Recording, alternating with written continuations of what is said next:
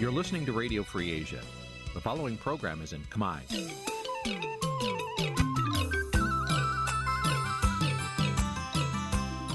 Nǐ ជាកម្មវិធីផ្សាយ Vuthu Azizi Serai នេះជាកម្មវិធីផ្សាយរបស់ Vuthu Azizi Serai ជាភាសាខ្មែរ Vuthu Azizi Serai សូមស្វាគមន៍លោកអ្នកនាងទាំងអស់ពីរដ្ឋធានី Washington នៃសហរដ្ឋអាមេរិក។ បាទផ្សាយផ្ទាល់ពីរដ្ឋធានី Washington ខ្ញុំបាទជួនច័ន្ទបុតសូមជម្រាបសួរលោកអ្នកនាងកញ្ញានិងប្រិមិត្តអ្នកស្ដាប់ទាំងអស់ជាទីមេត្រីយើងខ្ញុំសូមជូនកម្មវិធីផ្សាយសម្រាប់រាត្រីថ្ងៃពុធ6កើតខែកដិកឆ្នាំឆ្លូវត្រីស័កពុទ្ធសករាជ2565ដែលត្រូវនៅថ្ងៃពុធទី10ខែវិច្ឆិកាគ្រិស្តសករាជ2021ជាកិច្ចចាប់ផ្ដើមនេះសូមអញ្ជើញលោកអ្នកនាងស្ដាប់ព័ត៌មានប្រចាំថ្ងៃដែលមានមេតិការដូចតទៅ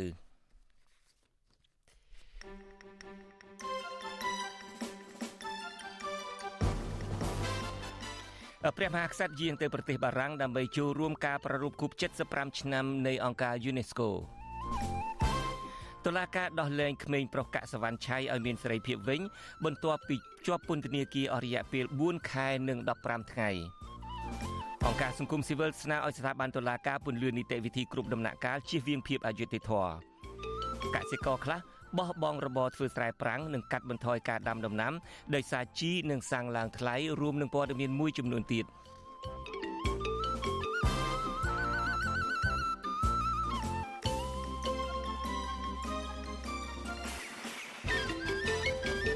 បាទជាបន្តទៅទៀតនេះខ្ញុំបាទជួនចាត់បុតស៊ូមជូនព័ត៌មានទាំងនេះពិស្ដាបាទលោកនៅនាងជាទីមេត្រីព្រះមហាក្សត្រព្រះបាទសម្ដេចព្រះបរមនាថនរោត្តមសីហមុនីបានយាងតាមព្រះរាជទីន័ងយន្តហោះពិសេសចាប់ពីកម្ពុជាទៅកាន់ទីក្រុងប៉ារីប្រទេសបារាំងហើយ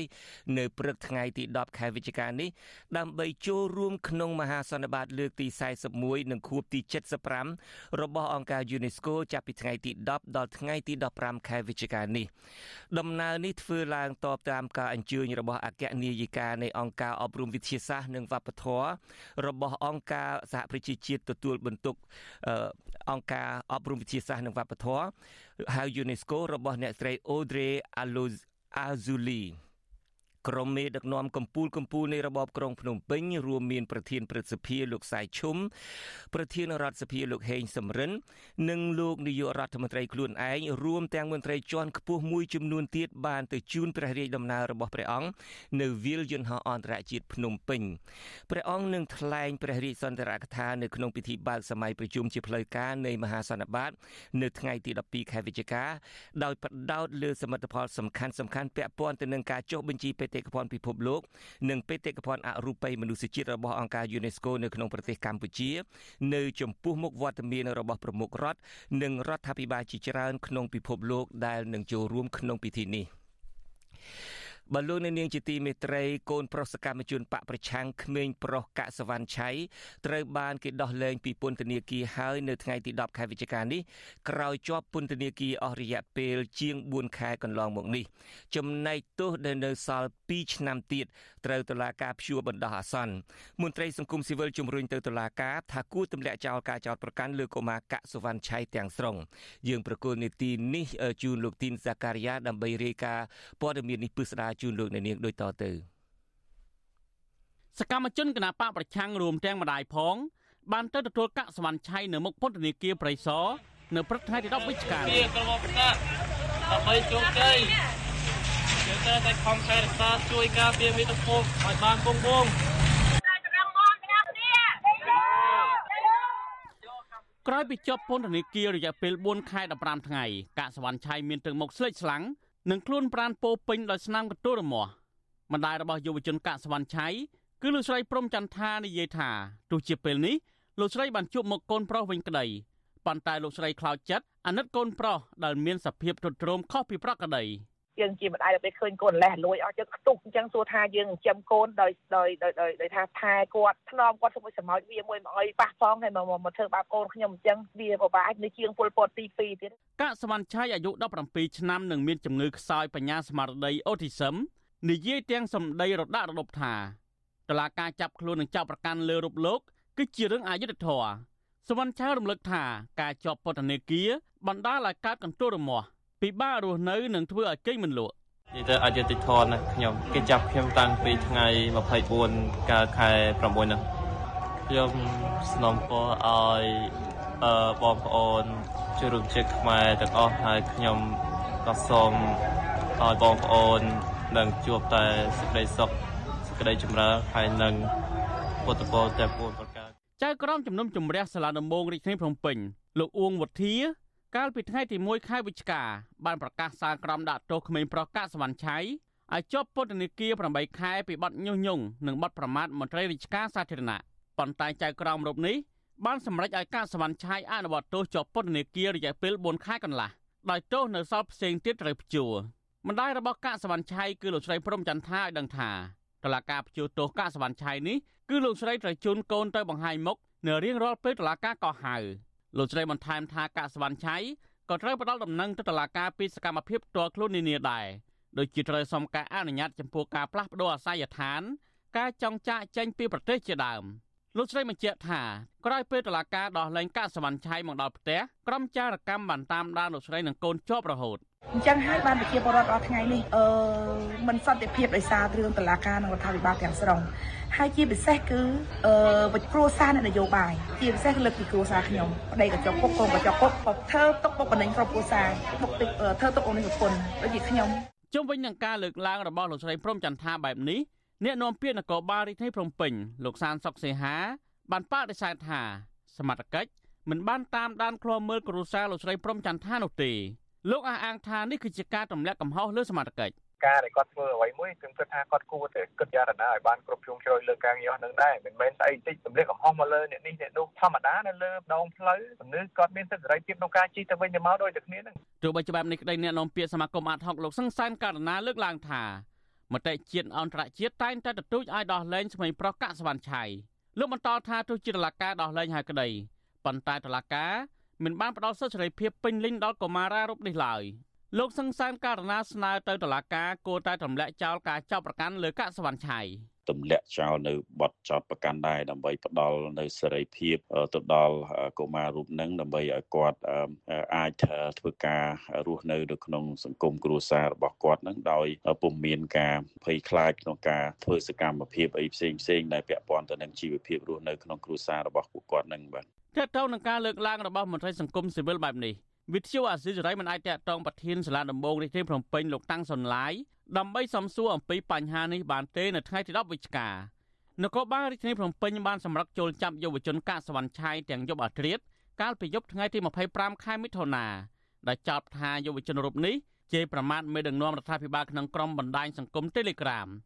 ចំណែកឪពុករបស់កាកសវណ្ណឆៃវិញជាសមាជិកក្រុមរក្សាជាប់ឆ្នោតនៃគណៈបកសង្គ្រោះជាតិរាជធានីភ្នំពេញគឺលោកកកកំភៀ កំពុងជាប់ពន្ធនាគារប្រៃសណម1នៅឡើយទេលោកកកកំភៀជាប់ចោតពីបទរូបនិតក្បត់និងញុះញង់រយៈពេលចុងក្រោយនេះតឡាការបានដោះលែងសកម្មជនបរិស្ថាន និងសកម្មជនគណបកប្រឆាំងមួយចំនួនដោយអ្នកខ្លះបានអនុវត្តទោសនៅពន្ធនាគារគ្រប់ចំនួននិងអ្នកខ្លះទៀតត្រូវបានតឡាការដោះលែងហើយទោសនៅសល់ត្រូវព្យួរតើតើនឹងបញ្ហានេះក្រុមអ្នកឃ្លាំមើលសិទ្ធិមនុស្សអះអាងថាតឡាការរបបលោកហ៊ុនសែន នៅតែបាត់សិទ្ធិសេរីភាពសកម្មជនគណបកប្រឆាំងសកម្មជនសង្គមនិងបរិស្ថានទាំងនេះដដែលទោះបីជាដោះលែងហើយក៏ដោយខ្ញុំទីនសាការីយ៉ាអសិនសេរីប្រធានីវ៉ាស៊ីនតោនបាទលោកនាងកញ្ញាជាទីមេត្រីអ្វីៗតែមានដំណឹងពីការដោះលែងកុមារកសវណ្ណឆៃយើងក៏មានទទួលដំណឹងថា លោកវឿនវាសនាហៅក្រញូងព្រៃឡង់និងសកម្មជនបកប្រឆាំងមួយរូបទៀតគឺលោកវឿងសំណាង ដែលបានភៀសខ្លួនទៅប្រទេសថៃឥឡូវនេះមន្ត្រីជាន់ខ្ពស់គណៈបកប្រឆាំងបានបញ្ជាក់ថាត្រូវបានអាជ្ញាធរថៃបញ្ជូនទៅកម្ពុជាវិញហើយយើងនឹងមានព័ត៌មានអំពីការបញ្ជូនខ្លួនសកម្មជនបកប្រឆាំងទាំងពីររូបនេះទៅកម្ពុជាវិញពិស្ដារនៅពេលបន្តិចទៀតនេះ បាទលោកនាងកញ្ញាជាទីមេត្រីអង្គការសង្គមស៊ីវិលនិងមន្ត្រីជាន់ខ្ពស់បកប្រឆាំងជំរុញឲ្យស្ថាប័នតុលាការពន្យានីតិវិធីគ្រប់ដំណាក់កាលតាមសេចក្តីណែនាំរបស់ក្រសួងយុតិធធជាមួយគ្នានេះពួកគេស្នើដល់អាជ្ញាធរពិចារណាឲ្យបានគ្រប់ជ្រុងជ្រោយអមជាមួយភ័ស្តុតាងរឹងមាំមុននឹងសម្រេចចោទប្រកាន់ពលរដ្ឋណាម្នាក់ដើម្បីកុំឲ្យមានភាពអយុត្តិធម៌កើនឡើងនៅលើពួកគាត់អ្នកត្រីសុជីវីមានសេចក្តីរាយការណ៍អំពីរឿងនេះ បាទសេចក្តីរាយការណ៍របស់អ្នកស្រីសុជីវីអ្នកស្រីតាមពិតកំពុងតែ រៀបចំពេលនេះហើយយើងនឹងមិនទាន់មានសេចក្តីរាយការណ៍របស់អ្នកស្រីសុជីវីទេក៏ប៉ុន្តែខ្ញុំពេលនេះឆ្លៀតឱកាសសម្ភាសជាមួយនឹងម្ដាយរបស់កុមារាកសវណ្ណឆៃគឺជាម្ដាយរបស់កុមារកសវណ្ណឆៃអ្នកស្រីព្រំចន្ទថាចង់ដឹងតើនៅពេលដែលអ្នកស្រីបានជួបកូនសម្លាញ់ចិត្តរបស់អ្នកស្រីវិញដែលអ្នកស្រីទុកសោករាប់ខែមកហើយឥឡូវនេះតើអ្នកស្រីមានអារម្មណ៍បែបណាបាទខ្ញុំបាទសូមជម្រាបសួរអ្នកស្រីព្រំចន្ទថាបាទជម្រា បសួរបងជម្រាបសួរលោកអ៊ំជុនច័ន្ទបុតពីចម្ងាយអូបាទអរគុណក្មួយស្គាល់អ៊ំដែរមានន័យថាធ្លាប់បានមើលអឺការផ្សាយរបស់អាស៊ីសេរីដែរបាទខ្ញុំធ្លាប់មើលដែរធ្លាប់មើលណនដែរ បាទអរគុណខ្ញុំក៏នឹងចង់សម្ភាសជាមួយកសវណ្ណឆៃបន្តិចក៏ប៉ុន្តែមុននឹងចង់ទៅជួបជាមួយម្ដាយក្មួយសិនអ្នកស្រីព្រមចន្ទថាអារម្មណ៍យ៉ាងណាដែរនៅពេលដែលបានជួបកូនសម្លាញ់ដែលទុកសោកប្រមាណខែមកហើយប្តីក៏ជាប់ពន្ធនាគារកូនប្រុសដែលមានជំងឺផងក៏ជាប់ពន្ធនាគារឥឡូវយ៉ាងហោចណាស់បានជួបកូនប្រុសវិញហើយអារម្មណ៍យ៉ាងណាដែរព្រឹកមិញនេះហើយមកទល់ពេលនេះចាជំរាបសួរលោកលោកបងហើយ ចង់និយាយថាខ្ញុំមានអារម្មណ៍សប្បាយចិត្តអឺលោកហើយលោកមកសាំបានជើញទៀតចុះលឺតាខ្ញុំលឺតាចាអឺខ្ញុំមានអារម្មណ៍សប្បាយចិត្តខ្លាំងក៏ប៉ុន្តែបំណាច់នឹងសប្បាយចិត្តនេះក៏មានអារម្មណ៍ថាຕົកសោកខ្លាំងដែរដោយសារពេលដែលចេញមកឃើញរូបរាងកូនស្គមស្គៀងហើយមានរមាស់ពេញខ្លួនខ្ទុះពេញខ្លួនទាំងអស់សុំទាំងដៃទាំងជើងហើយសុំអីដែរ សូម្បីតែថាខ្លួនរូបកាយទាំងអស់រមាស់ពេញខ្លួនរោគតែថាចិត្តជាខ្ញុំជាម្ដាយរកអ្វីព្រៀបទៅមកបានទេហើយក្តុកក្តួលមែនតែនហើយគ្រួសារខ្ញុំជួបទុកសោកម្ដងហើយម្ដងទៀតទី1គឺប្តីទី2គឺកូន ទី3ម្ដាយស្លាប់អត់បានជួបមុខចៅសូម្បីបន្តិចចាហើយម្យ៉ាងទៀតខ្ញុំមានការអឺ តក់ស្ទាត់ដោយកូនសតិឥឡូវបែរជាខុសប្រក្រតីជាងមុន ពីមុនអារម្មណ៍គាត់ហាក់បីដូចជាដូចថានិយាយទៅដឹងខុសដឹងត្រូវខ្លះដល់ពេលឥឡូវដល់ពេលជាប់ពន្ធនាគាររយៈពេល4ខែ15ថ្ងៃនេះអារម្មណ៍គាត់និយាយទៅមុខទៅក្រោយដូចថាអ្វីដែលគាត់ដឹងដឹងអ្វីមិនដឹងដូចត្រឡប់ត្រឡិននិយាយទៅមុខទៅក្រោយអញ្ចឹងខ្ញុំគិតថាសតិរបស់គាត់វាមិនដូចពីមុនដោយសារនៅក្នុងនោះខ្ញុំខ្ញុំសូមអនុញ្ញាតទៅជែកជាមួយគាត់បន្តិចបានទេ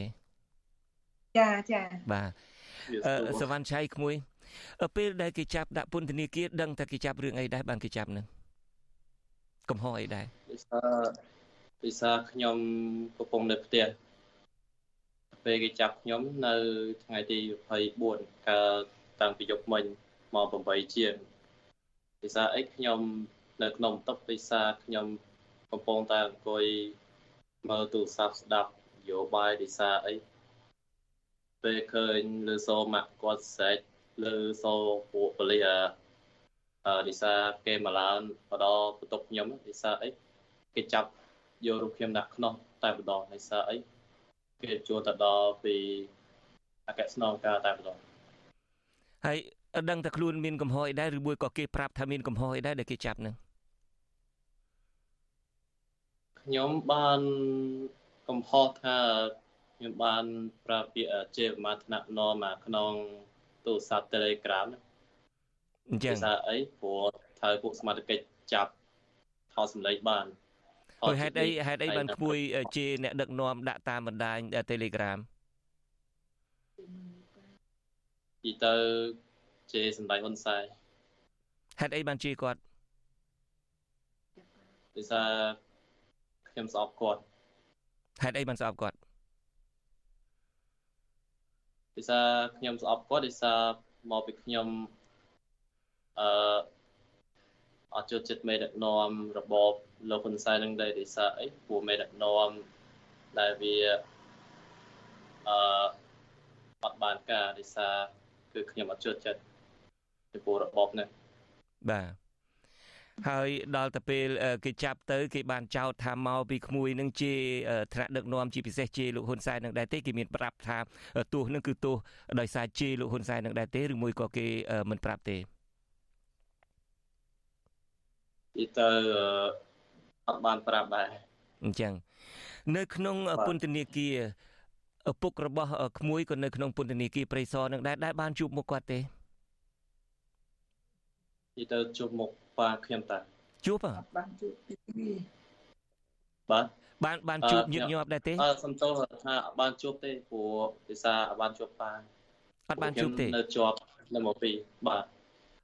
អឺជឹកខែគាត់នៅមកពីដែរក្មួយខ្ញុំនៅមកពីគាត់នៅមកមួយបងអូនៅមកមួយក៏ប៉ុន្តែបានឃើញពីចម្ងាយអីដែរទេនិយាយទៅអឺអត់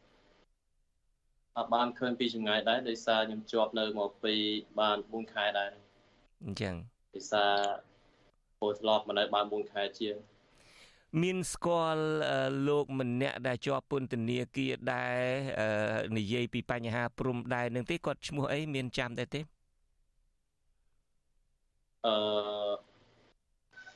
ទីទៅដូចអឺលោកគ្រូរងឈុនតិដឹងខ្ញុំអត់ចាំដែរអឺ ចាំឈ្មោះគាត់ដែរលោកគ្រូរងឈុនដែរជួបគាត់ដែរទេបាទអត់ដែរជួបដែរអញ្ចឹងបាទហើយមានអារម្មណ៍មិនដែរបានមកជួបអ្នកម្ដាយជាលើកដំបូងបន្ទាប់ពីបែកគ្នា4ខែមកផ្លាយមកទីទៅអឺអត់បាយគ្នាផងគ្រាន់តែចង់នឹកប៉ាខ្ញុំចង់នឹកម៉ាក់ដោយសារខ្ញុំនឹកប៉ាម៉ាក់ទីស្រឡាញ់របស់ខ្ញុំហើយខ្ញុំ ក៏ជួយម៉ាក់ប៉ាហើយចង់ជួបមុខប៉ាដោយសារខ្ញុំនឹកពួកខ្ញុំនឹកខ្ញុំស្រឡាញ់ជាទីបំផុតបាទអឺកន្លែងគុកព្រៃសរនឹងគេប្រើភាសាជាផ្លូវការហ្មងគឺមជ្ឈមណ្ឌលកែប្រែអីចឹងទៅអាចកែប្រែខ្លួនលែងជេរលោកហ៊ុនសែនទេនៅពេលដែលបានចេញមកវិញនេះពីទៅលែងជេរលែងជេរហើយបាទ ហេតុអីបាទគាត់កែខ្លួនហើយឬមួយក៏មកពីយ៉ាងម៉េចឃើញលោកហ៊ុនសែននឹងល្អវិញហើយយ៉ាងបានជប់ជេរពីទៅខ្ញុំជប់ជេរដែរដោយសារពួកខ្ញុំខ្លាចគេតាមចាប់ខ្ញុំចឹងអត់បានដោយសារពួករូបខ្ញុំជាមនុស្សអឺអ្នកស្រឡាញ់ជាតិបាទបាទសិនជាស្អប់មេដឹកនាំ រដ្ឋាភិបាលទៅក្នុងខ្លួនដែរដោយសារយើងមិនបាច់ទៅជេរទេព្រោះថាគឺយកឈ្នះអត់បានទេអញ្ចឹងនៅនៅប៉ុន្តែនៅលួចជាក្នុងពោះទៅក្នុងខ្លួនទៅក្នុងខ្លួនបាទអរគុណមួយសុខសប្បាយអ្នកស្រីព្រំចន្ទថាឃើញដូចជានៅតែលីងលងទឹកភ្នែកតែរហូតនៅតែមានការរំភើបទេមកដល់ម៉ោងនេះខ្ញុំរំភើប រំភើបវារំភើបបងក៏ប៉ុន្តែក៏ខ្ញុំមានការវិថាអន់ចិត្តឬក៏មានការអន់ពេញចិត្តហើយក៏រងអំពើអយុត្តិធម៌សម្រាប់ក្រុមគ្រួសារខ្ញុំតែម្ដងដូចជាតឡាការគាត់មិនគួរណាមិនតម្លាក់រកការចោទទាំងអស់សម្រាប់កូនប្រុសរបស់ខ្ញុំគួរតែតម្លាក់រកការចោទទាំងអស់មិនគួរណាដាក់ទោសគាត់8ខែហើយដាក់4ខែកន្លះហើយ3ខែគាត់ជួ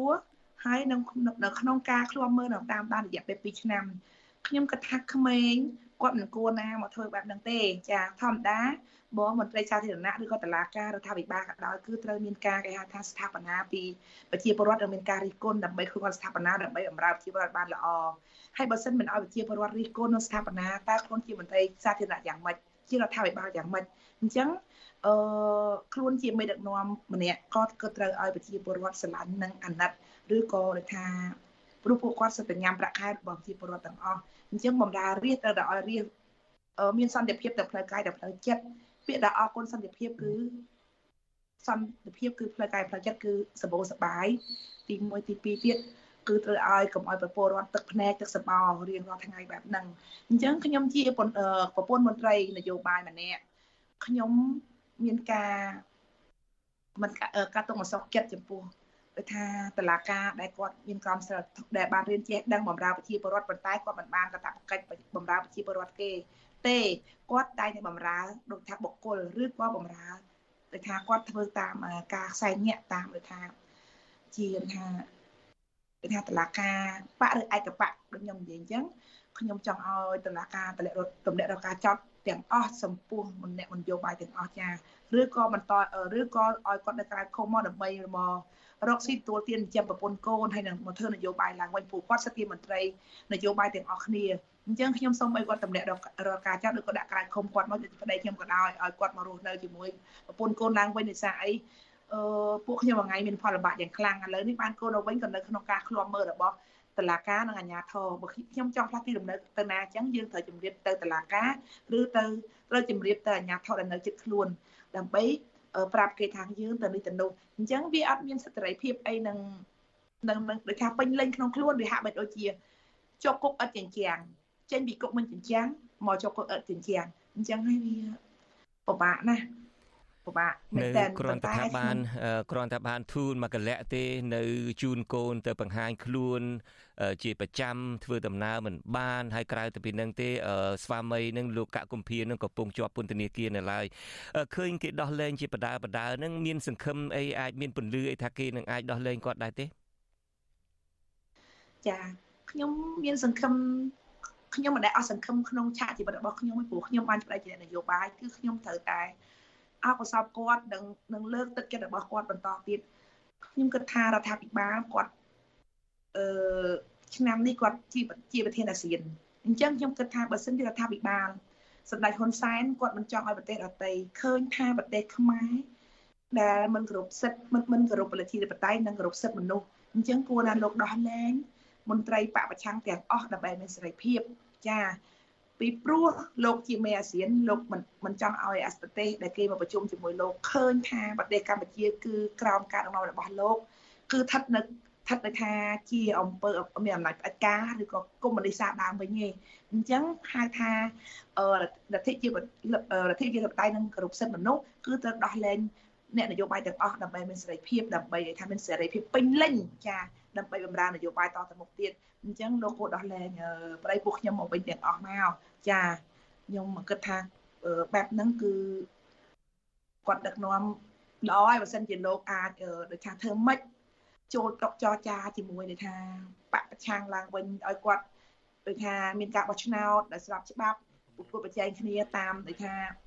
ដូចថាឲ្យត្រឹមត្រូវទៅ អាហ្នឹងជាការល្អហើយព្រោះសិទ្ធិជាខ្មែរដូចគ្នាទេអត់មានអីខ្មែរមកពាក់មុខយកដាក់គ្នានឹងប្រឆាំងនឹងសម្រាប់ខ្មែរគ្នាឯងទេចាបាទអរគុណសវណ្ណឆៃក្មួយ មានពាក្យអីចង់និយាយជាចុងក្រោយទេបាទអឺខ្ញុំសូមអរគុណច្រើនហើយសង្ឃឹមថានឹងបានបន្តការសិក្សាជាថ្មីហើយខ្ញុំ ក៏សង្ឃឹមថានឹងតស៊ូហើយនឹងរឹងមាំដើម្បីពុះពៀរកឧបសគ្គជូនដល់កូនខ្មែរអ្នកស្នាជាតិទាំងអស់ហើយខ្ញុំសូមឲ្យអ្នកទាំងអស់គ្នាបានជួយផ្ដល់មតិយោបល់ខ្ញុំដើម្បីឲ្យស្ដារលទ្ធិប្រជាធិបតេយ្យឡើងវិញដើម្បីគ្រប់មានការសិទ្ធិមនុស្សឲ្យមានប្រសិទ្ធភាពខ្ពស់បំផុតខ្ញុំសូមឲ្យ បងប្អូនកូនខ្មែរត្រូវតែជាទីស្រឡាញ់រាប់អានជាចៅបំផុតអំពីខ្ញុំបាទ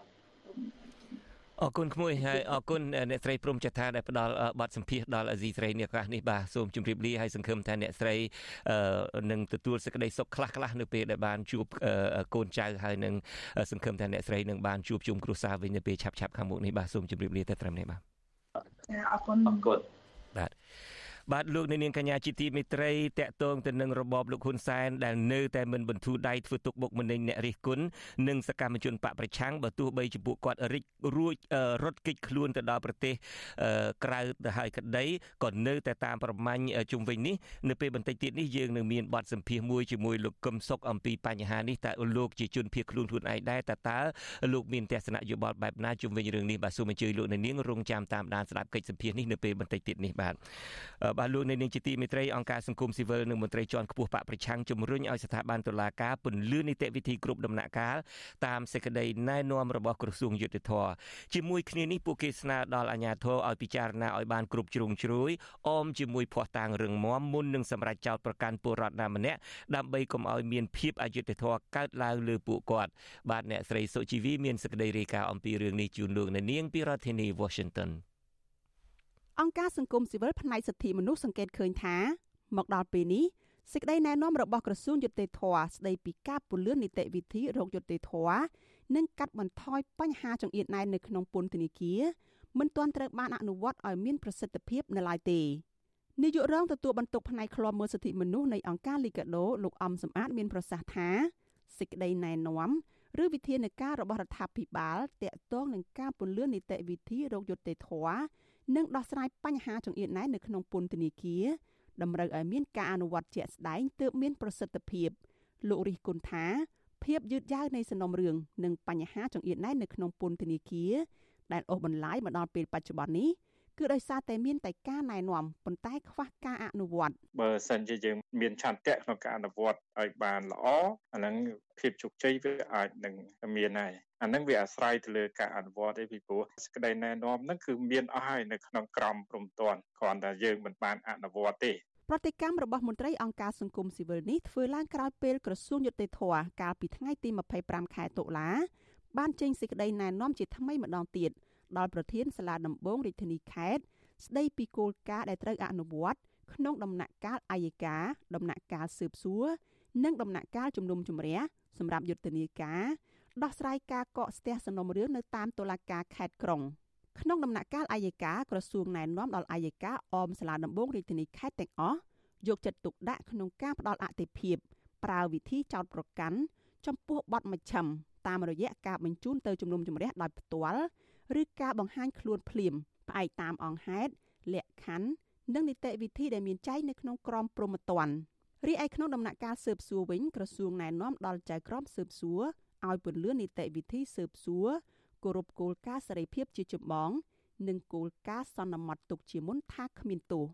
ក្នុងន័យនេះក្រសួងណែនាំឲ្យចៅក្រមស៊ើបសួរ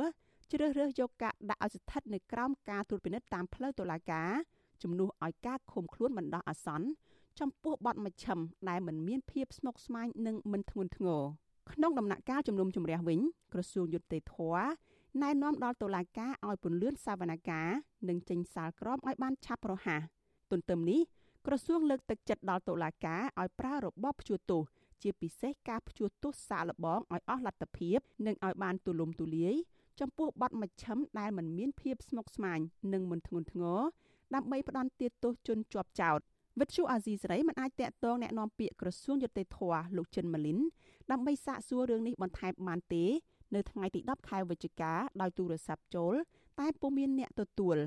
ទោះជាយ៉ាងណារដ្ឋមន្ត្រីក្រសួងយុតិធធលោកកៅដរិទ្ធបានលើកឡើងនៅក្នុងសេចក្តីណែនាំនោះថា រយៈពេល1ឆ្នាំមកនេះសាលាដំបងរាជធានីខេត្តបានចូលរួមអនុវត្តដោយយកចិត្តទុកដាក់ចំពោះគោលការណ៍ណែនាំទាំងនោះលោកអះអាងទៀតថាសំណុំរឿងព្រមត្តនចូលថ្មីជាច្រើនត្រូវបានចាត់ការឆាប់រហ័ស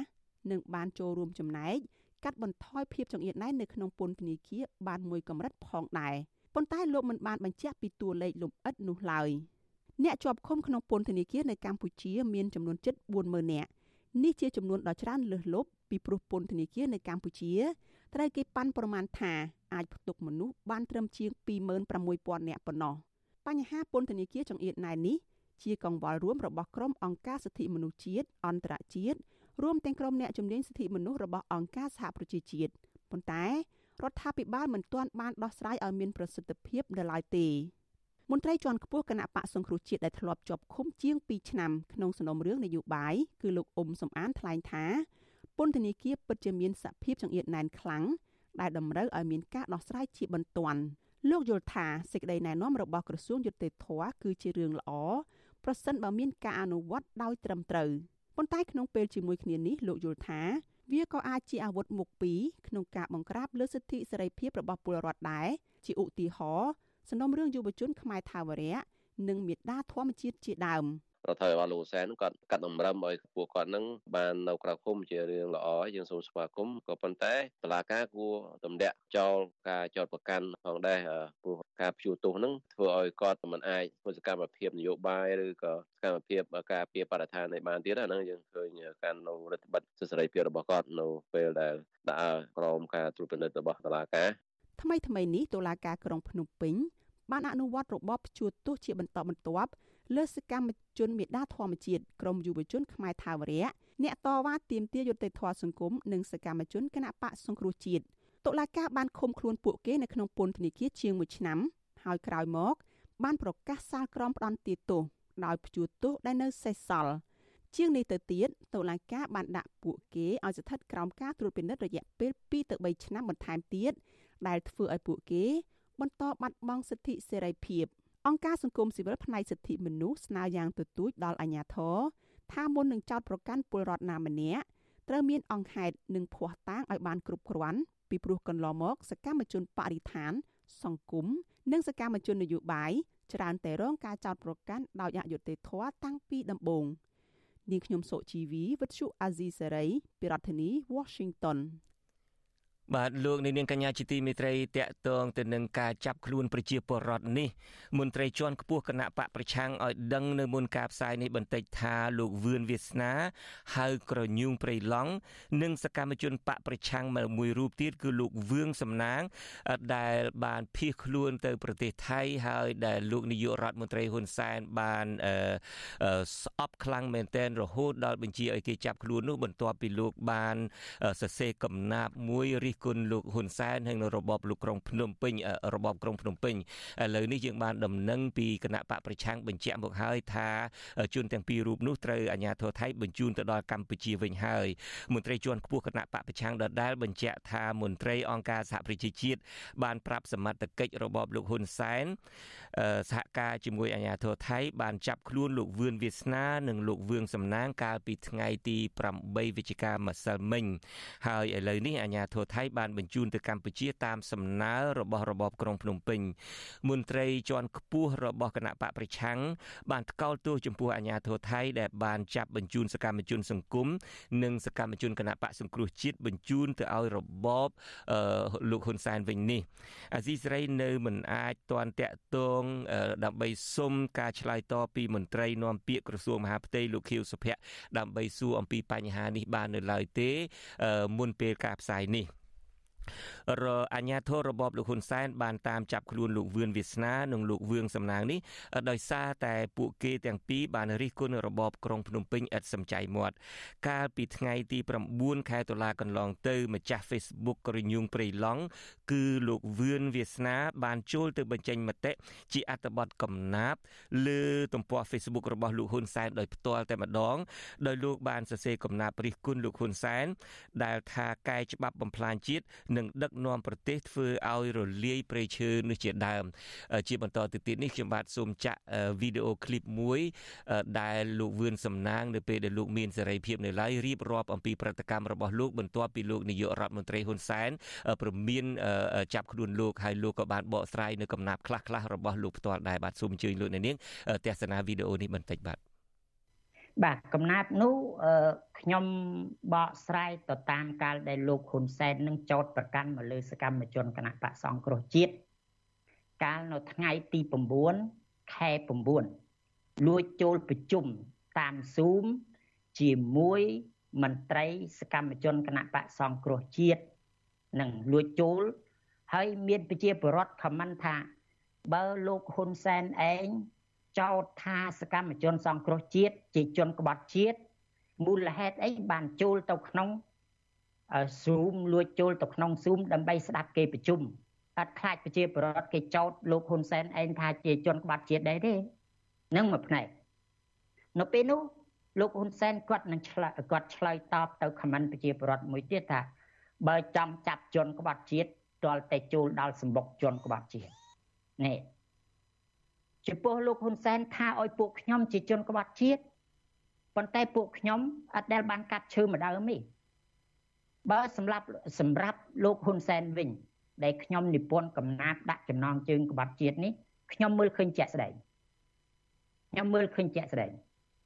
ជំនាន់កោះពេជ្រប្រជាពលរដ្ឋស្លាប់គួជើងគ្នានៅក្នុងរបបណា ក្នុងរបបលោកហ៊ុនសែន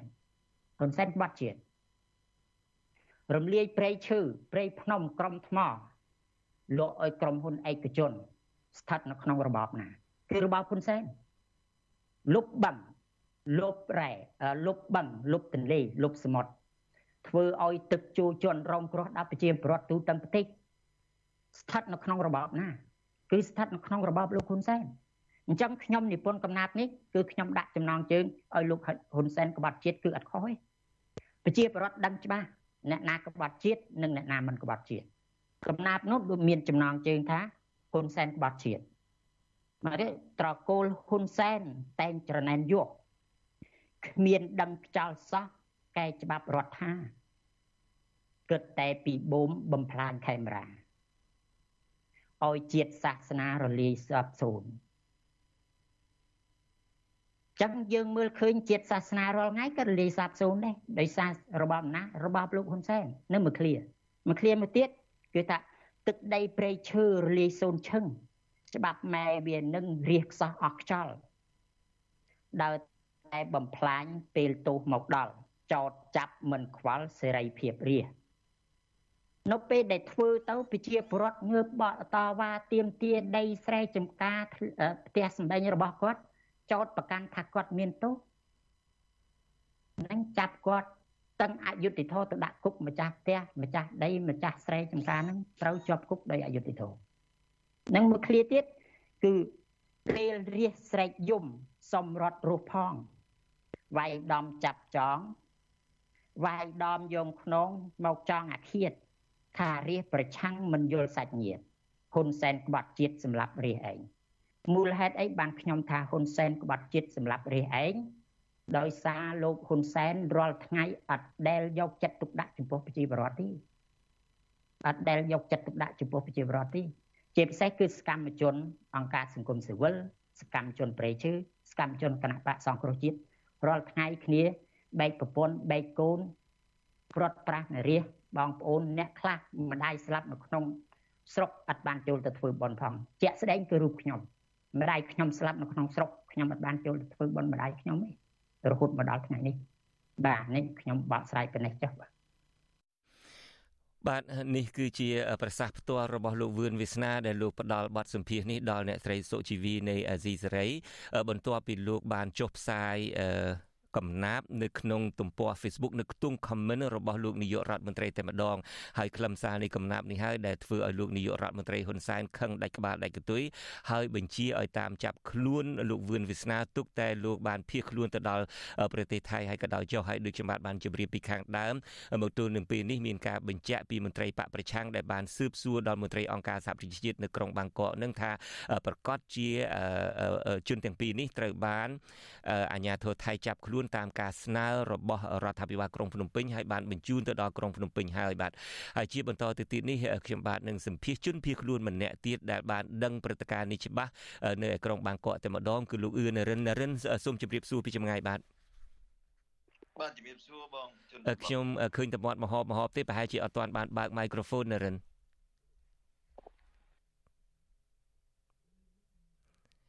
អាឡូនរិននៅតែអត់ទាន់បានឮនៅឡើយ microphone នៅ off នៅឡើយ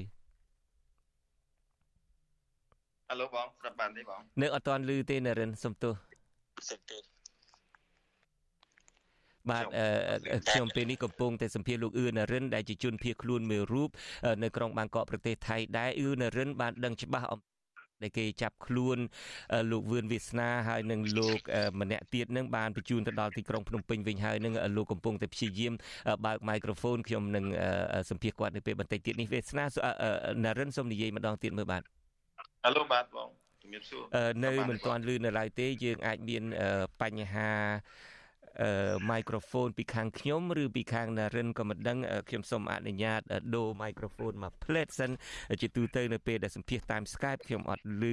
តាមមីក្រូហ្វូនមួយនេះសុំទោសអាចមកពីបញ្ហារបស់ខ្ញុំបាទអាឡូណារិន បាទជំរាបសួរបងតាមពិតបញ្ហារបស់ខ្ញុំសោះម្សិលមិញក៏មានបញ្ហានេះសូមទោសលោកអ្នកនាងជាទីមេត្រីដែលហេតុថាយើងទើបនឹងវិលត្រឡប់មកការផ្សាយនៅក្នុងបន្ទប់ស្ទូឌីយោវិញអ្វីក៏ដោយក៏ថ្មីស្រឡាងសម្រាប់ខ្ញុំពេលខ្លះមីក្រូហ្វូនខ្លះឮមីក្រូហ្វូនខ្លះអត់ឮបាទណារិនយ៉ាងម៉េចដែរណារិនអាចបញ្ជាក់បានទេថាជនពីររូបដែលខ្ញុំបាទបានរៀបរាប់មិញនេះគឺលោកវឿនវាសនាហើយនឹងដែលជាសកម្មជនព្រៃឡង់ហើយនឹងលោកម្នាក់ទៀតដែលជាសកម្មជនគណៈបកប្រឆាំងនឹងប្រកាសជាគេបានចាប់ខ្លួនបញ្ជូនទៅក្រុងភ្នំពេញវិញហើយពេលនេះបាទបាទបង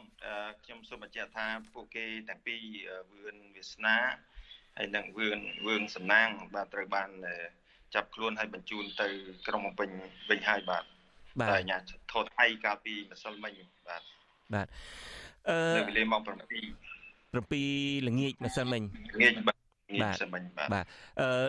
អឺនរិនបានឃើញខ្លួនឯងផ្ទាល់ខ្ញុំអត់បានឃើញទេប៉ុន្តែខ្ញុំធ្វើកិច្ចការដែលអឺតាមដានជាមួយនឹងអង្គការសហប្រជាជាតិជាមួយនឹងអង្គការអីអឺខាងសិទ្ធិមនុស្សផ្សេងផ្សេងៗដើម្បីជួយពួកគាត់ប៉ុន្តែអឺយើងអឺខំប្រឹងអស់សមត្ថភាពថ្នាក់ដឹកនាំគណៈបកសង្គ្រោះជាតិខំប្រឹងអស់សមត្ថភាពដែរតែទីបញ្ចប់ ក៏ត្រូវពួកគាត់ត្រូវបានបញ្ជូនខ្លួនដោយស្ងាត់ស្ងាត់ទៅបាត់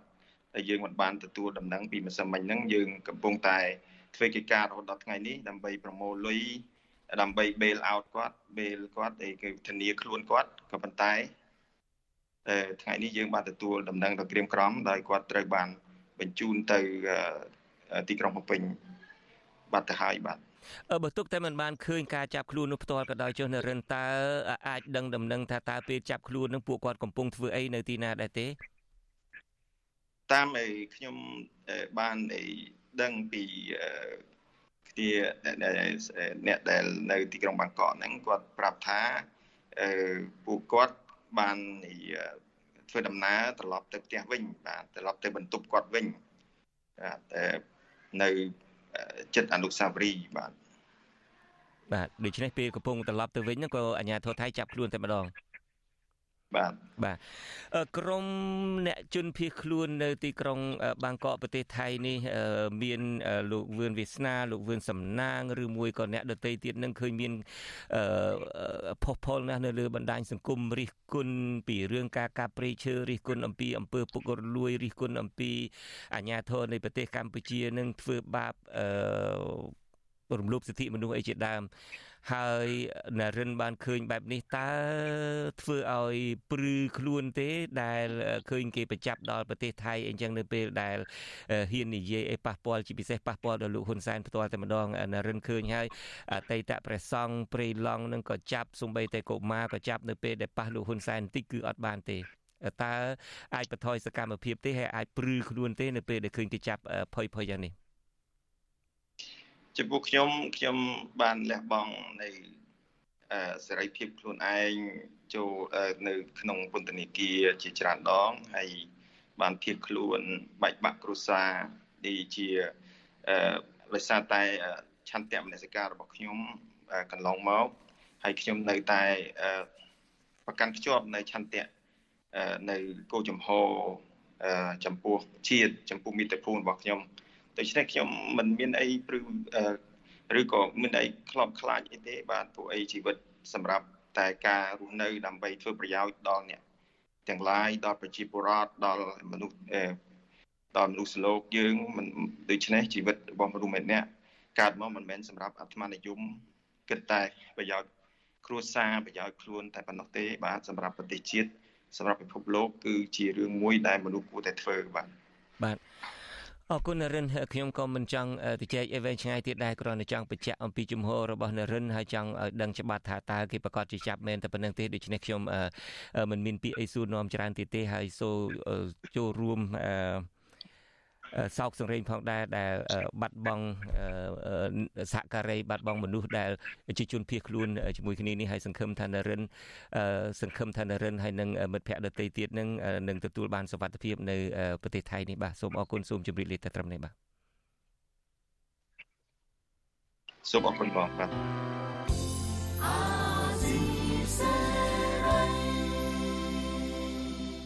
បាទយើងងាកទៅរឿងព្រៃឈើវិញម្ដង អ្នកឃ្លាំមើលព្រៃឈើអះអាងថាមូលហេតុដែលធ្វើឲ្យព្រៃឈើបាត់បង់ច្រើនអឺបណ្ដាលពីរដ្ឋាភិបាលអសមត្ថភាពការពារព្រៃឈើមិនមែនមកពីពលរដ្ឋកាប់ឈើដើម្បីសង់លំនៅឋានដោយលោកនាយករដ្ឋមន្ត្រីហ៊ុនសែនបានថ្លែងនោះទេ ពួកគេសង្កេតឃើញថាមូលហេតុចម្បងមួយទៀតដែលធ្វើឲ្យព្រៃឈើងាយរងគ្រោះគឺដោយសារមន្ត្រីរដ្ឋាភិបាលខ្លួនឯងតែម្ដងប្រព្រឹត្តអំពើពុករលួយហើយរដ្ឋាភិបាលនៅតែមិនព្រមដោះស្រាយអំពីរឿងនេះលោកមានរិទ្ធមានសេចក្តីរាយការណ៍អំពីរឿងនេះពីរដ្ឋធានី Washington សកម្មជនការពារព្រៃឈើបន្តទាមទាររដ្ឋាភិបាលផ្ដល់ដំណោះស្រាយចំពោះវិបត្តិព្រៃឈើជាបន្ទាន់ដើម្បីសង្គ្រោះធនធានធម្មជាតិដែលនៅសេសសល់ឲ្យបានគង់វង្សពួកគេមើលឃើញថារ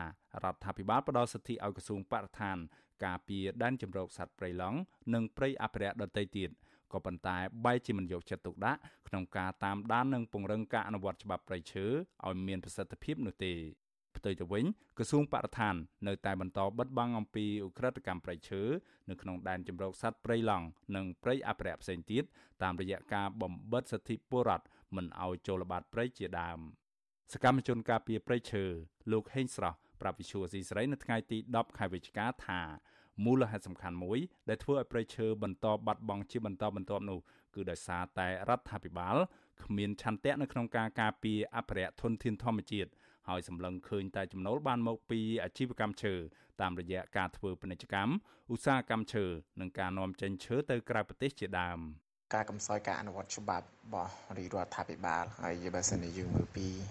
ទាំងអស់នោះវាអាចនឹងជាប់ពាក់ព័ន្ធនឹងអំពើពុករលួយជាមួយនឹងមន្ត្រីបរិរដ្ឋាភិបាលក្នុងការរត់ពន្ធឈើក្នុងការរកស៊ីការកម្លាំងព្រៃឈើនៅក្នុងប្រទេសកម្ពុជានឹងសកម្មជនការពារព្រៃឈើរូបនេះបន្ថែមថាក្រុមអង្គការមួយចំនួន ជាឈ្មោះរកស៊ីឈើធំធំនិងជាមន្ត្រីជាន់ខ្ពស់របស់រដ្ឋាភិបាលមិនត្រឹមតែគ្មានចំណាត់ការផ្លូវច្បាប់ណាមួយពីអាជ្ញាធរមានសមត្ថកិច្ចនោះទេ គឺរដ្ឋាភិបាល តែងតែចេញមុខជួយការពារអ្នកជួញឈើខុសច្បាប់របស់ក្រុមអង្គការនិងក្រុមហ៊ុនឯកជនមួយចំនួនលោកបញ្ជាក់ថាវិធានការបង្ក្រាបបទល្មើសព្រៃឈើកន្លងទៅទោះតែមានបទបញ្ជាពីលោកនាយរដ្ឋមន្ត្រីហ៊ុនសែនទើបសមត្ថកិច្ចហ៊ានអនុវត្តច្បាប់ទៅលើក្រុមហ៊ុនឯកជន និងក្រុមអង្គការខលខូចទាំងនោះលោកថាប្រការនេះហើយដែលធ្វើឲ្យវិបត្តិព្រៃឈើនៅកម្ពុជា នៅតែគ្មានដំណោះស្រាយ វិសុវស៊ីស្រីមិនទាន់អាចតាក់ទងសុំការបំភ្លឺរឿងនេះពីអ្នកនាំពាក្យរដ្ឋាភិបាល លោកផៃសិផាន និងអ្នកនាំពាក្យក្រសួងបរិស្ថាន លោកណេតភត្រាបាននៅឡើយទេនៅថ្ងៃទី10ខែវិច្ឆិកាដោយទូរស័ព្ទហៅចូលតែគ្មានអ្នកលើកក៏ប៉ុន្តែកាលពីថ្ងៃទី8ខែវិច្ឆិកាលោកហ៊ុនសានបានស្ដីបន្ទោសពលរដ្ឋនិងក្រុមអ្នកដែលរិះគន់លោករឿងបាត់បង់ព្រៃឈើ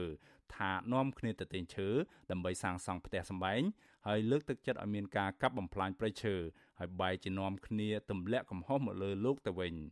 មេដឹកនាំរបបឯកបៈរុងនេះបានប្រមានថានឹងរុះរើផ្ទះរបស់ពលរដ្ឋទាំងអស់ដែលបានសាងសង់ក្រោយឆ្នាំ1979ដើម្បីប្រមូលឈើដែលបានបាត់បង់មកវិញឥឡូវដើម្បីប្រមូលឈើមកវិញវាយកំទេចផ្ទះចោលទាំងអស់អាណាកសាងក្រោយឆ្នាំ79វាយយកទាំងអស់ព្រោះឈើវានៅក្នុងផ្ទះអ្នកទាំងនោះទ្វារបង្អួចស្អីស្អីនោះនៅក្នុងផ្ទះហ្នឹង ម្នាក់ម្នាក់នាំគ្នាជេរទៅហ៊ុនសែនអស់ឈើបដ ாய் គេកាប់ឈើវាអាណាបដ ாய் ទេប៉ុន្តែវាឈើទៅគេត្រូវកាប់អានេះកាប់តិចទៅអានោះកាប់តិចទៅជុំវិញរឿងរ៉ាវនេះសកម្មជនព្រៃឡង់លោកហ៊ឿនសុភិបសង្កេតឃើញថាថ្នាក់ដឹកនាំរដ្ឋតែងតែសន្យារាប់ម្ដងបដិញ្ញាការពារព្រៃឈើឲ្យបានគង់វង្សក៏ប៉ុន្តែมันបានអនុវត្តដោយតាមការសន្យានោះទេគឺឃើញតែប្រើលេសឆ្លើយដោះសារគេចវេះពីការទទួលខុសត្រូវដដែលដដែល លោកថារដ្ឋាភិបាលបន្តរៀបរៀងក្រុមអ្នកឆ្លាញ់ភូកទ្របជាតិមិនឲ្យចូលល្បាតព្រៃដែលគឺជាកំហុសដ៏ធំមួយធ្វើឲ្យព្រៃឈើងាយនឹងរងគ្រោះហើយមន្ត្រីបរិស្ថានងាយស្រួលនៅក្នុងការលាក់បាំងព័ត៌មានពីអ ுக ្រិតកម្មព្រៃឈើនៅក្នុងដែនសមត្ថកិច្ចរបស់ខ្លួន។ ជបទូឆ្លាស់ទាំងស្រុងបានន័យថាក្រសួងបរិស្ថានកំពុងតែបិទបាំងនៅសកម្មភាពនៃការកាប់បំផ្លាញព្រៃឈើជាច្រើនករណីហើយរបាយការណ៍ឬទៅថារបាយការណ៍ទាំងអស់គឺសិតសឹងតែជាល្អប៉ុន្តែបើយើងក៏លេចទៅមើលនៅក្នុងតំបន់អភិរក្សនៅក្នុងតំបន់ការពារវិញគឺវាមិនមានកន្លែងណាមួយដែលល្អដូចរបាយការណ៍នោះទេខ្ញុំមើលឃើញថាមន្ត្រីទាំងអស់នោះគឺអសមត្ថភាព កាលពីចុងខែសីហាសហព័ន្ធកូរ៉េដើម្បីចលនាបរិស្ថាន បានចេញផ្សាយរបាយការណ៍ពិស្ដារមួយរកឃើញថាព្រៃសហគមន៍ចំនួន13នៅក្នុងចំណោមព្រៃសហគមន៍ចំនួន14កន្លែងនៅក្នុងឃុំទំរីងស្រុកសណ្ដានខេត្តកំពង់ធំជាប់ដែនជម្រកសត្វព្រៃឡង់បានបាត់បង់ព្រៃឈើប្រមាណ37%នៅក្នុងរយៈពេល6ឆ្នាំចុងក្រោយនេះការរកឃើញនេះគឺផ្អែកតាមទិន្នន័យផ្ការណប ផ្ដល់ដោយសាកលវិទ្យាល័យ Maryland នៃសហរដ្ឋអាមេរិកដែលបានរកឃើញថាទំហំព្រៃឈើនៅកម្ពុជា បានថយចុះជាង56សែនហិកតា នៅក្នុងឆ្នាំ2015ហើយបានបាត់បង់ព្រៃជាង15000សែនហិកតាទៀតនៅឆ្នាំ2020ខ្ញុំបាទមេរិត Visual C ស្រីរាយការណ៍ពីរដ្ឋធានី Washington បាទលោកនាងកញ្ញាជាទីមេត្រីឥឡូវនេះងាកមកស្ថានភាពនៃជំងឺ Covid-19 វិញម្ដងហើយដោយលោកនាងបានជ្រាបហើយរាល់ថ្ងៃពុធអ្នកដែលឡើងមករៀបរាប់អំពីស្ថានភាពទូទៅអំពីជំងឺ Covid-19 នេះគឺថាខនៅអាស៊ីសេរីគឺគ្មានអ្នកណា តាមដានរឿងនេះល្អជាងលោកមួងណារ៉េទេឥឡូវនេះសូមបកុលនីតិនេះជូនលោកមួងណារ៉េតែម្ដងជម្រាបសួរណារ៉េបាទបាទសូមជម្រាបសួរលោកជនច័ន្ទវត្តហើយសូមជម្រាបសួរលោកនាងទាំងអស់បាទ បាទថ្ងៃនេះយើងផ្សាយពីអឺការិយាល័យទាំងអស់គ្នាខ្ញុំនៅកតុបស្ទូឌីយោក្រោមហើយលោកណារ៉េតកំពុងតែអង្គុយនៅការិយាល័យរបស់ខ្លួននៅលើ ភ្លើងអីដូចជានៅភ្លឺអីពេកដូចនៅអីពេកណាដូចដូចខ្ញុំបាទបានជម្រាបលោកនាងអញ្ចឹងយើងកំពុងតែរៀនធ្វើការនៅក្នុងការិយាល័យជាថ្មីឡើងវិញឥឡូវកុំឲ្យខាតពេលណារ៉េតរៀបរាប់ពីស្ថានភាពទូទៅនៃជំងឺ Covid-19 តិចមើលថ្ងៃនេះមានអ្នកឆ្លងប្រមាណមានអ្នកស្លាប់ប្រមាណមានអ្នកអីប្រមាណហើយសូមអញ្ជើញបាទ អរគុណលោកជុនចាំបត់តាមពិតទៅស្ថានភាពជំងឺ Covid នៅ19នៅប្រទេសកម្ពុជាដូចជាមិនជាកើនឡើងទេគឺមានតែថយដោយសារតែតាំងតែពីឈប់ប្រើតេស្ត rapid test តែរហ័សនោះគឺយើងឃើញថាតួលេខនេះគឺធ្លាក់ចុះនៅក្រោម100ជារៀងរាល់ថ្ងៃទៅហើយនៅក្នុងការឆ្លងតែយ៉ាងណាតួលេខនៃអ្នកដែលស្លាប់នោះនៅចន្លោះពី5ទៅ10អ្នកហើយអ្នកដែលក្នុងចំណោមអ្នកដែលស្លាប់ហ្នឹងគឺនៅតែមានតួលេខខ្ពស់ទេអ្នកដែលចាក់វ៉ាក់សាំងហើយក៏ឈឺហើយបានស្លាប់នោះវាមានប្រហែលជា30%នឹងតែជារួមបើយើងមើលតួលេខនៃអ្នកចាក់វ៉ាក់សាំងវិញប្រទេសកម្ពុជាគឺចាក់បានច្រើនមែនទែនរហូតដល់ជិត100%ហើយអ្នកដែលថ្មីថ្មីត្រូវចាក់បន្ថែមប៉ុន្តែអ្នកដែលត្រូវចាក់10លានអ្នកពីមុននោះគឺចាក់លើស10លានអ្នកបានន័យថាលើសពីផែនការហ្នឹងដល់ទៅជាង100%ឯណោះបាទនេះគឺជាតួលេខចុងក្រោយហើយឯកុមារដែលត្រូវចាក់អាយុ5ឆ្នាំនោះគាត់ចាក់បានប្រហែលជា66%ដែរហើយគោលដៅចាក់ជាង3សែនអ្នកនោះបាទបាទអឺនៅបន្ទាប់ពីមានលឺតំណែងថាមានការចាក់នឹង តួលេខខ្លះនឹងគឺចាក់បានលើ100%ទៀតនឹងគឺរដ្ឋាភិបាលនឹងគឺបានចាប់ផ្ដើមចេញសេចក្តីប្រកាសហើយមើលគឺឲ្យមានបទូបថយបំរាមអីជាច្រើនណាស់ហើយតើការបទូបថយនឹងបទូបថយបែបណា ហើយមានលក្ខខណ្ឌអីបែបណាខ្លះលោកណារ៉េតបាទ ការបន្ធូរបន្ថយនេះគឺជាការបើកប្រទេសឡើងវិញទាំងស្រុងទៅឲ្យលោកជនច័ន្ទបុតយើងដឹងហើយគាត់បើកជើងមេឃរហូតដល់ទៅស្វាគមន៍ភ្ញៀវមកពីខាងក្រៅដែលចាក់វ៉ាក់សាំងរួចអីអញ្ចឹងនៅក្នុងប្រទេសកម្ពុជាការបន្ធូរបន្ថយដែលប្រជាពលរដ្ឋមើលឃើញថាជាការលើកបំរាមច្រើននោះគឺតកតងនឹងការជួបប្រមូលប្រមូលផ្ដុំគ្នាជួបផ្ដុំគ្នាច្រើន ជាពិសេសដោយពិធីបុណ្យសពឬក៏ពិធីអាពាហ៍ពិពាហ៍អីហ្នឹងរដ្ឋបាលរាជធានីភ្នំពេញជាពិសេសនៅថ្ងៃ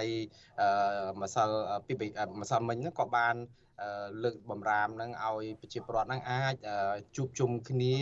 រៀបចំពិធីអាពាហ៍ពិពាហ៍ដូចមុនអញ្ចឹងគ្រាន់តែបន្ថយចំនួនមនុស្សចូលរួមភ្ញៀវនឹងឲ្យនៅក្រោម200នាក់តែប៉ុណ្្នឹងឯងដូច្នេះនៅអាចបន្តកិច្ចការងារ200នាក់20តុកដែរច្រើនដែរតាមមិនអញ្ចឹងណាច្រើនលោកគុណច័ន្ទវត្តនិយាយទៅគឺតតែយើងដាក់រសារគម្លាតបតុកហ្នឹងមួយតុក5នាក់អីគឺពេញមួយរោងការដូចតែធម្មតាដែរ បាទបាទបាទអរគុណអឺតកតងនឹងរឿងការវិវត្តថ្មីថ្មីមកវិញក្រៅតែពីមានការចាក់វ៉ាក់សាំងនឹងអប្រសិទ្ធភាពវ៉ាក់សាំងនឹងកើនឡើងខ្ពស់អីជាដើមនឹងដូចជាលឺតំណែងថ្មីថ្មីនឹងថាមានថ្នាំទៅទៀតឧទាហរណ៍ក្រុមហ៊ុន Pfizer ចឹងបន្ទាប់ពីផលិតអាវ៉ាក់សាំង Pfizer នឹងហើយក្រុមហ៊ុន Pfizer នឹងមានផលិតថ្នាំសម្រាប់នៅពេលបើសិនជាអ្នកណាឈឺនឹងគឺថាអាចទិញយកទៅលេបខ្លួនឯងឲ្យបានផងអាចរៀបរាប់ខ្លះៗពីវិវត្តការវិវត្តថ្មីថ្មីនៃការថ្នាំព្យាបាលនោះទេក្រៅតែពីយើងឮអំពីវ៉ាក់សាំងបាទ អរគុណតាមពិតទៅការវិវត្តថ្មីថ្មីចុងក្រោយនេះគឺអ្នកប្រាជ្ញអ្នកស្រាវជ្រាវវិទ្យាសាស្ត្រនៅលើពិភពលោកហ្នឹងគឺមិនសម្រាប់ទេដោយសារតែស្ថានភាពជំងឺ Covid-19 ហ្នឹងអត់ថមថយទេប៉ុន្តែក៏បច្ចេកវិទ្យាទំនើបនឹងការរកឃើញថ្មីហ្នឹងកើនឡើងជាប្រចាំហើយដោយលោកជនចមុតបានមានប្រសាសន៍ពីខាងដើមហើយគឺក្រុមហ៊ុន Pfizer ក្រៅតែពីវ៉ាក់សាំងរបស់គាត់ដែលមានប្រសិទ្ធភាពខ្ពស់រហូតដល់90ទៅជិត100%នៅក្នុងការទប់ស្កាត់ជំងឺ Covid-19 កុំឲ្យឈឺធ្ងន់ឬក៏ស្លាប់នោះគាត់បានផលិតជាថ្នាំគ្រាប់ដែលរកឃើញថ្មីនេះថ្នាំគ្រាប់នេះធ្វើតេស្តទៅគឺឃើញមានប្រសិទ្ធភាពដល់ទៅ90%ហើយណោះសម្រាប់ព្យាបាលពេលណានឹងអាចប្រើបានថ្នាំនឹង ថ្នាំគ្រាប់នេះគឺបន្ថែមទៅលើក្រុមហ៊ុន Pfizer ហ្នឹងមានក្រុមហ៊ុនអាមេរិកមួយទៀតឈ្មោះថា Merck កាលពីខែមុនគាត់រកឃើញមានប្រសិទ្ធភាពស្តៀងគ្នាដាក់ទៅខាងរដ្ឋបាលឱសថនិង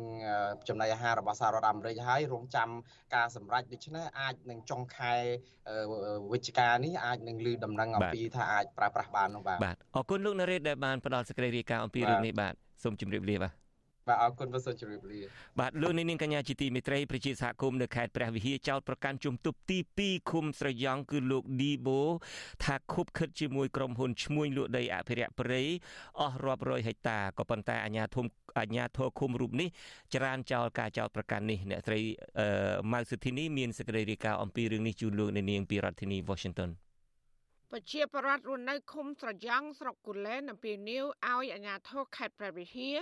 ស៊ើបអង្កេតសកម្មភាពឈូសឆាយដីព្រៃអភិរក្សអស់ជាច្រើនហិកតាស្ថិតនៅចំណុចភ្នំព្រួលនៃដែនចម្រុកសត្វព្រៃភ្នំថ្នោតការលើកឡើងនេះក្រោយដែលប្រជាសហគមន៍ថ្មីថ្មីនេះបានប្រទះឃើញគ្រឿងចាក់ជាច្រើនគ្រឿងនិងកម្មករជាច្រើនអ្នកប្រើរណាយន្តអារំលំដើមឈើធំធំ ដើម្បីរៀនយកដីព្រៃធ្វើជាកម្មសិទ្ធិអស់ជាច្រើនហិកតានៅរយៈពេលជាង1ខែចុងក្រោយនេះជនជាដើមភាគតិចគួយរស់នៅភូមិស្រយ៉ង់ខាងត្បូងលោកតបរ៉ានប្រាប់វិទ្យុអសីស្រីនៅថ្ងៃទី10ខែវិច្ឆិកាថាអាញាធរឃុំរូបនេះបានចុះហត្ថលេខាផ្ទេរសិទ្ធិទៅឲ្យក្រុមឈ្មួញជាច្រើនអ្នកប៉ះចំដីព្រៃអភិរក្សប្រមាណជា200ហិកតា ហើយនឹងត្រៀមឈូសឆាយទាំងអស់លើពីនេះក្នុងពេលដែលអាញាធរឃុំរូបនេះ ចេញលិខិតផ្ទេរសិទ្ធិដីធ្លីសកម្មភាពឈូសឆាយដីព្រៃកាន់តែកម្រើកខ្លាំងអស់50ហិកតាដោយគ្មានមន្ត្រីបរិស្ថានចុះមកអនុវត្តច្បាប់នោះឡើយលោកបន្ថែមថាប្រជាសហគមន៍បានរកឃើញឯកសារមិនប្រក្រតីមួយចំនួន ដែលអាជ្ញាធរឃុំរូបនេះ បានធ្វើលិខិតផ្ទេរសិទ្ធិមានហត្ថលេខានិងបោះត្រាឃុំ ដើម្បីប្រកល់ដីព្រៃអភិរក្សទ្រង់ទ្រាយធំនេះទៅឲ្យក្រុមឈ្មួញឈូសឆាយ 200ហើយមានអាមលឿងដៃហ្នឹងនៅក្បែរក្បែរហ្នឹងគឺគេចាប់មលឿងដៃមួយសាយបានគេចាប់បានឈូសអញ្ចឹងបើកាប់អាកាប់ដៃហ្នឹងគេចាប់ឡើងអស់លីងហើយគេចាប់ដៃហ្នឹងជួគឺជួដូចជាអ្នកស្រុកអ្នកភូមិអញ្ចឹងក្នុងមហាប់50ម៉ឺន60ម៉ឺនអញ្ចឹងដើម្បីឲ្យទទួលសិនអញ្ចឹងណាឆ្លើយតបការចាប់ប្រកាន់នេះជំទប់ទី2ឃុំស្រយ៉ង់លោកឌីបូបដិសេធថាលោកមិនបានចុះហត្ថលេខាផ្ទេរសិទ្ធក្នុងទំហំដីព្រៃអស់រាប់រយហិកតាដូច្នេះឡើយ។ ប៉ុន្តែលោកទទួលស្គាល់ថាបានចុះហត្ថលេខាផ្ទេរសិទ្ធទៅឲ្យប្រជាប្រដ្ឋក្រីក្រ5គ្រួសារក្នុងទំហំដីជាង10ហិកតាប៉ុណ្ណោះគឺតាមសំណើរបស់ប្រជាប្រដ្ឋក្រីក្រដើម្បីធ្វើកសិកម្មដាំដំឡូងចិញ្ចឹមជីវិតលោកក៏បានបញ្ជាក់ថាដីដែលលោកចុះហត្ថលេខានោះ គឺជាដីចំការរបស់ប្រជាប្រដ្ឋពុំមែនដីព្រៃដែលស្ថិតក្នុងដែនអភិរក្សរបស់ក្រសួងបរិស្ថាននោះឡើយ។ បាទมันមានទីការពេទ្យទេតែកន្លែងតំបន់ណារៀបរយតាអត់មានទេបើខ្ញុំធ្វើ4 5ហាត់មានជាវរដ្ឋគាត់ដោះដូរគាត់ខ្វះខាតគាត់ឲ្យយើងមកទេពីឈ្មោះមួយទៅឈ្មោះមួយនោះ4 5ហាត់មែនបាទដីដីនេះគឺដីគេខានធ្វើណាគ្រូបាទគេខានធ្វើយូរហើយជាវរដ្ឋគឺថាគ្នាអត់ទៅគេធ្វើអាឆ្លាស់ដាំដលង4 5ហាត់ទៅដល់ពេលគេចុះគេលក់ឲ្យទៅបងប្អូនមួយទេទៅ តែយ៉ាងណាមន្ត្រីសង្គមស៊ីវិលស្នើឲ្យអាជ្ញាធរខេត្តព្រះវិហារស៊ើបអង្កេតបញ្ហានេះជាបន្ទាន់និងជំរុញឲ្យមានការទទួលខុសត្រូវទាំងអ្នកប្រព្រឹត្តរួមទាំងឆ្មាំអភិរក្សរបស់ក្រសួងបរិស្ថាន ដែលបណ្ដាច់បណ្ដោយឲ្យមានសកម្មភាពឈូសឆាយដីព្រៃអភិរក្សទាំងនោះ។ មន្ត្រីសម្របសម្រួលសមាគមអាត់ហុកខេត្តព្រះវិហារលោកឡាវច័ន្ទពន្យល់ថាអាញាធរឃុំដែលចុះហត្ថលេខាផ្ទេរសិទ្ធិដីធ្លី នៅតំបន់ការពារគឺជាទង្វើល្មើសច្បាប់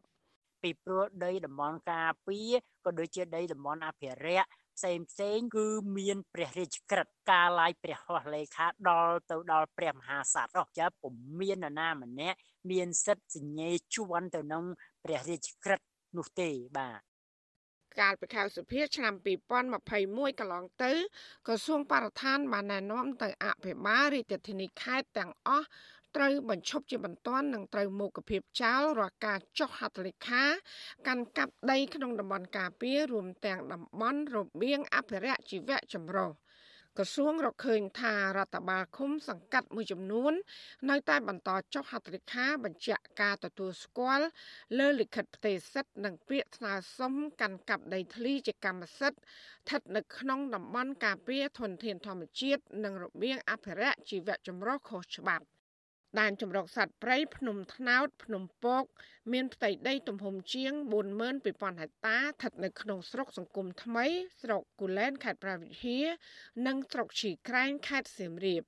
ដែនអភិរក្សនេះបង្កើតឡើងក្នុងឆ្នាំ2017គ្រប់គ្រងដោយក្រសួងបរិស្ថានចាននាងខ្ញុំម៉ៃសុធានីវិទ្យុអាស៊ីសេរីប្រធានាធិបតី Washington បាទលោកនាងកញ្ញាជាទីមេត្រីនាពេលបន្តិចទៀតនេះខ្ញុំបាទនឹងមានជួបសម្ភាសផ្ទាល់មួយជាមួយនឹងលោកកឹមសុខអ្នកវិភាគនយោបាយដែលពេលនេះលោកកំពុងតែភៀសខ្លួនទៅប្រទេសហ្វាំងឡង់ហើយមកដល់ត្រឹមនេះខ្ញុំបាទក៏ឆ្លៀតឱកាសនេះសូមអរគុណលោកនាងដែលតែងតាមដានការផ្សាយនិងផ្ដល់ការគាំទ្ររបស់លោកនាងដល់ការផ្សាយរបស់យើងខ្ញុំចំពោះលោកនាងដែលកំពុងតែតាមដានស្ដាប់ការផ្សាយរបស់យើងខ្ញុំនៅលើរលកធាតុអាកាសខ្លីវិទ្យុរលកធាតុអាកាសខ្លីខ្ញុំបាទសូមគោរពលាតែប៉ុណ្ណេះហើយសូមអញ្ជើញលោកនាងដែលកំពុងតែតាមដានស្ដាប់ការផ្សាយរបស់យើងតាមបណ្ដាញសង្គមយើងនឹងបន្តជាមួយគ្នារយៈពេល30នាទីទៀត